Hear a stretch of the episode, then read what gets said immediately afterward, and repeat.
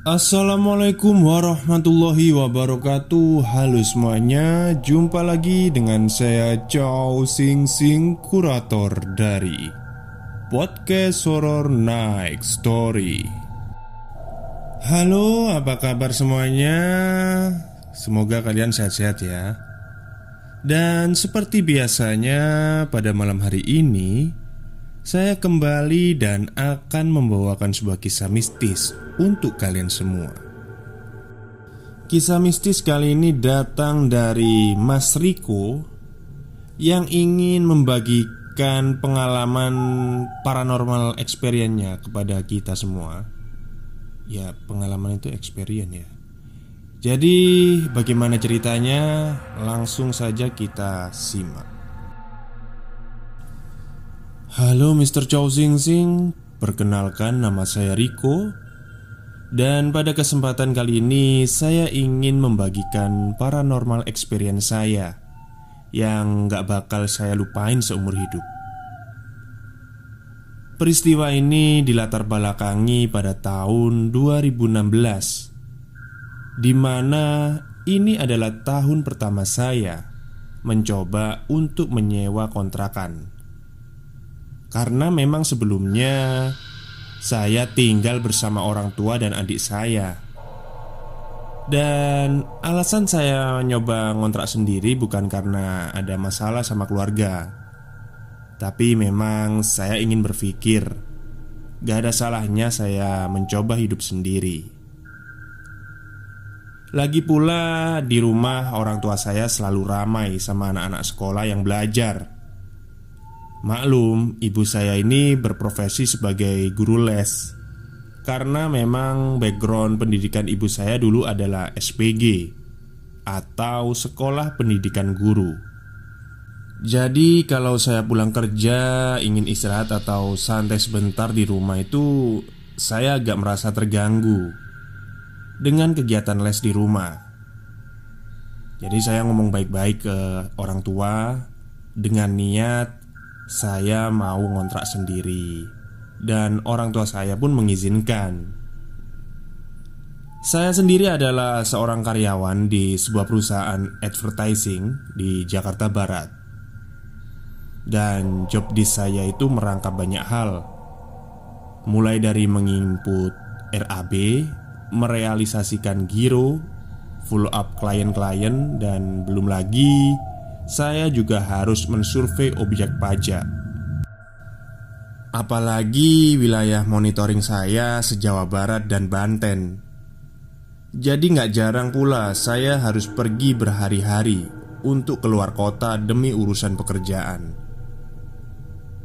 Setelah hunting kontraan berhari-hari, akhirnya saya dapat juga rumah kontraan di daerah Karangtengah, Ciledug, Tangerang. Ya lumayan lah buat biaya sewa per bulannya sebesar 600 ribu. Itu sudah sama air dan belum termasuk listrik. Sebenarnya harga segini sudah lumayan terjangkau kalau dibandingkan dengan kos atau kontraan di daerah Kebun Jeruk Dekat dengan kantor saya. Sudah jutaan per bulannya. Maklum harga ibu kota dan bagi saya nggak ada masalah juga. Karena jarak tempuh saya dari kontrakan ini sampai ke kantor Hanya membutuhkan waktu 20 sampai 30 menit dengan motor. Denah dari kontrakan ini sebenarnya seperti kontrakan pada umumnya Yaitu tiga sekat. Jadi ada pagar Teras yang berukuran kecil dengan jendela kusennya. Ruang depan, ruang tengah, dan ruang belakang yang terdiri dari dapur dan kamar mandi. Pada ruangan pertama saya menaruh TV, PS, dan kipas. Maklum, ini merupakan ruang entertain saya sendiri. Jadi untuk tidur dan beristirahat Saya ada di ruangan kedua tidak ada hal-hal yang ganjil setelah saya menempati kontrakan ini pada malam hari. Sampai pada malam ketiga, saya mulai terganggu dengan suara-suara berisik sampai saya terbangun dari tidur. Suara itu berasal dari ruangan belakang, tepatnya di dapur. Dan anehnya, suara itu selalu terdengar di jam-jam tengah malam, kisaran jam 1 atau jam 2 pagi. Awalnya saya berpikir itu mungkin tikus. Tapi janggal Karena saya tahu Kontrakan itu cukup bersih. Dan saya termasuk orang yang sangat konsen dengan hal-hal itu Seperti sampah yang selalu saya buang dan gak pernah numpuk berhari-hari di dapur. Tapi lama-kelamaan suara itu seperti terdengar suara wanita yang seperti mengobrol, dan kejadian itu selalu berulang sampai kurang lebih satu minggu. Masih pada bulan yang sama, tapi entah di minggu keberapa, saya benar-benar mengalami hal yang sulit saya terima dengan logika di kontrakan ini. Peristiwa itu terjadi pada malam hari. Saya ingat waktu itu hari Kamis malam Jumat. Saya baru pulang dari luar kota. Jadi kontrakan saya tinggal beberapa hari dalam keadaan kosong. Setelah beres-beres mandi dan membersihkan diri Saya nggak bisa langsung istirahat Karena malam itu saya harus mempersiapkan presentasi meeting di kantor Untuk hari Jumat dengan klien baru. Ah, Capek sekali rasanya Gumamku saat itu. Setelah saya rasa cukup untuk presentasi besok Saya langsung mencoba untuk istirahat.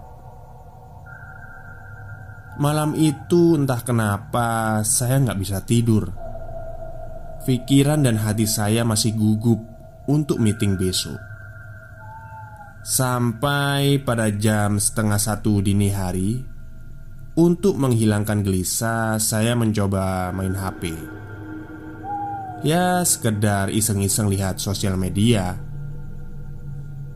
Saat sedang main HP, saya ingat posisi saya saat itu duduk bersilah di tengah skat antara ruangan tengah dengan ruangan depan. Waktu itu kondisi lampu ruangan depan dan ruangan tengah sengaja saya matikan. Dan yang menyala hanya dari ruang belakang Dan lampu dari teras depan. Maklum, ini sudah jadi kebiasaan saya kalau mau tidur. Cukup dengan tidak banyak cahaya Sebelah kanan saya saat itu langsung ke arah pintu Dan sebelah kiri saya langsung menuju dapur Lalu di samping pintu kontrakan terdapat sebuah jendela kusen dan kain gorden biru yang sengaja saya senderin dengan sebuah gitar. Saat main HP, dari sudut ekor mata kanan saya, saya teralihkan dengan kejadian kain gorden yang pelan-pelan mulai bergerak, seperti tertiup angin, dan aneh Semakin saya fokuskan pandangan saya ke arah kain gorden itu, semakin lama semakin kencang kain itu bergerak sendiri. Saya mulai aneh melihat itu karena kipas angin yang ada di depan saat itu mati, dan saya juga nggak merasakan adanya angin. Padahal jarak saya antara kain gorden itu cuma 2-1 meter. Tidak terbesit sama sekali dalam pikiran saya kalau itu adalah gangguan mistis. Jadi saya coba berdiri dan menyalakan lampu di ruangan depan Sambil berjalan ke arah gorden jendela yang masih bergoyang. Dan memang saat itu saya menyentuh gorden itu Dengan tangan. Tangan saya terasa dingin sekali Seperti hawa dingin atau angin Tapi hanya berdiam di situ. Anginnya nggak bergerak ke mana-mana Gak berhenti sampai di situ karena masih penasaran. Saya coba cek keluar. Dari pintu saya berjalan melewati teras Sambil mengecek jendelanya dari luar. Aneh Tidak ada angin di luar. Bahkan jendela pun tertutup dengan rapat dari luar. Sementara saya berjalan kembali ke dalam Dan melihat gorden Aneh Gordennya masih bergoyang-goyang Dan semakin kencang. Saya mulai menyadari bahwa Ini sudah ada yang gak beres. Bermaksud bodoh amat Saya langsung mematikan lagi lampu di ruangan depan.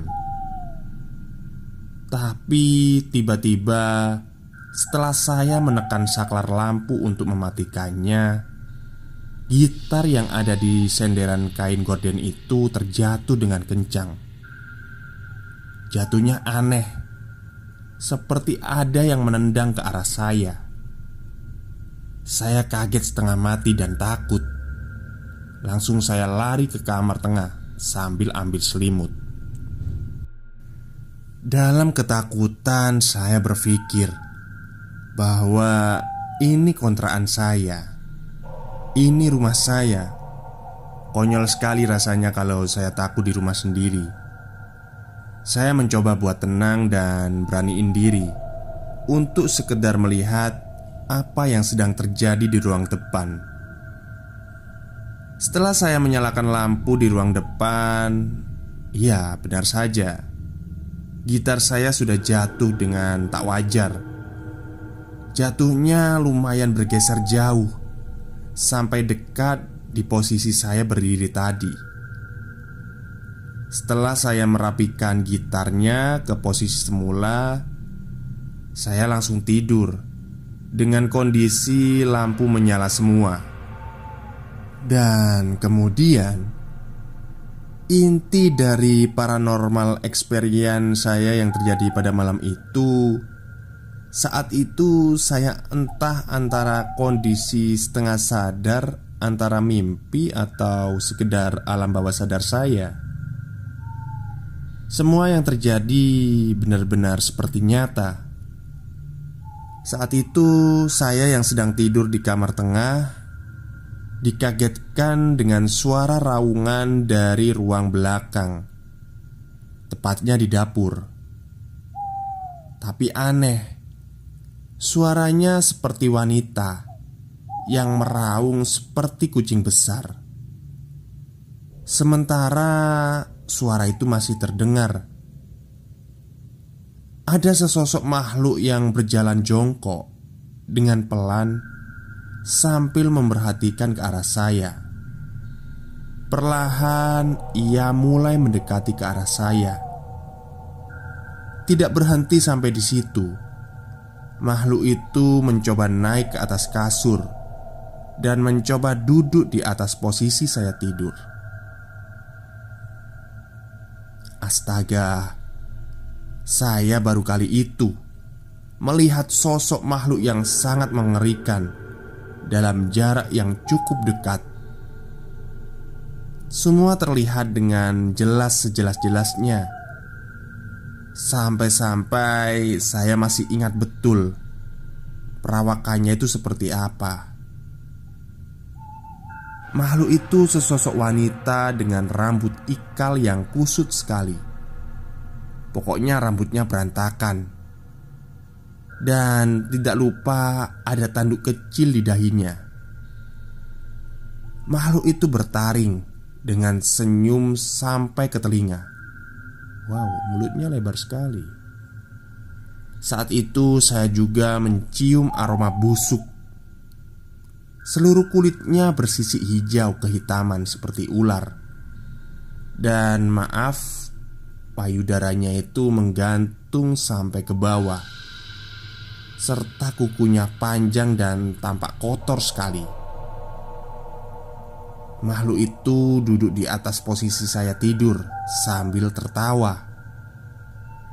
Suaranya serak dan melengking tajam. Saya takut sekali. Saya belum pernah melihat makhluk itu sebelumnya. Dalam ketakutan, saya mencoba memejamkan mata dan mencoba berdoa. Saya berdoa, "Bapa kami, ya, dalam agama Nasrani, Bapa kami adalah doa yang cukup sakral." Dalam ketakutan yang luar biasa saat itu, saya mencoba untuk berdoa, walau terbata-bata. Saya ingat betul, saya seperti orang gagap saat berdoa. Maklum, di tengah ketakutan itu susah sekali rasanya untuk berdoa ataupun berteriak minta tolong, dan makhluk itu terus tertawa Sampai-sampai makhluk itu berkata, "Doa kamu salah." Kata makhluk itu sambil melanjutkan tawanya. Oh, jadi doanya Mas Riko ini dikoreksi sama si setan tadi. Rasa takut saya seperti sampai ke tulang.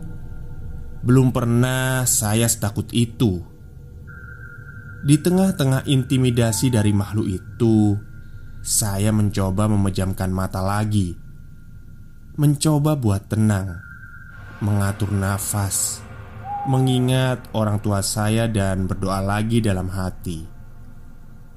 Memang itu sudah jadi kebiasaan saya dari dulu. Kalau saya lagi gelisah, saya selalu mencoba mengingat orang tua karena seperti ada support dari batin setelahnya. Setelah saya selesai berdoa untuk kali kedua dengan mental yang cukup tenang, makhluk itu terdiam dan tidak lagi tertawa. Oh, berarti doanya udah bener ini. Makhluk itu lalu berdiri dan betapa kagetnya saya melihat tinggi dari makhluk itu sampai tembus ke plafon kontrakan saya. Kemudian dia pergi berlari menembus dinding. Alhasil, akhirnya saya bangun dari keadaan itu. Semua pakaian dan spray di kasur basah kuyup karena keringat saya. Saat bangun, saya langsung lari keluar dari kontrakan. Ya, sekedar buat menenangkan diri. Itulah pengalaman horor saya di kontrakan Ciledug. Saya hanya sampai lima bulan di kontrakan itu.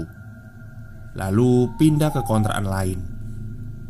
Setahu saya sampai sekarang tidak ada penghuni yang betah buat tinggal di kontrakan itu. Maksud saya sampai tahunan Demikian pengalaman horor saya Maaf kalau ceritanya kepanjangan atau ada kata-kata yang kurang tersampaikan Dan terima kasih sudah dibacakan Sukses terus buat podcast horror next story. God bless you. Oke, terima kasih kepada Mas Riko yang sudah berbagi pengalaman mistis di podcast horror next story. Dan kalau dibilang ceritanya panjang nggak? Panjang sih ya menurut saya. Ya sedengan lah. Nggak pendek juga nggak panjang, tengah-tengah.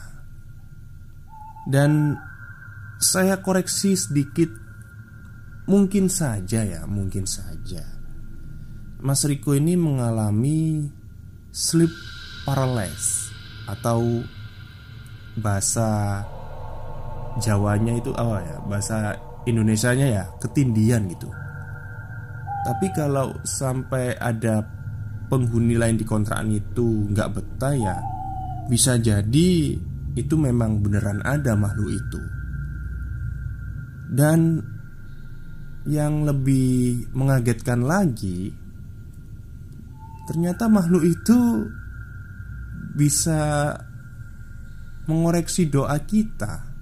Itu yang agak bahaya itu.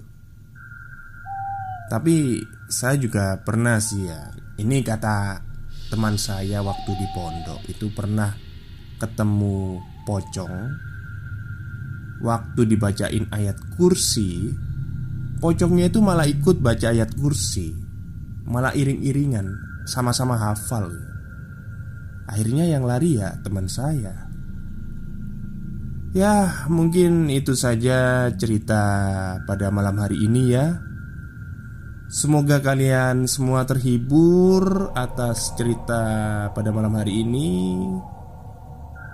Sampai jumpa dan selamat beristirahat.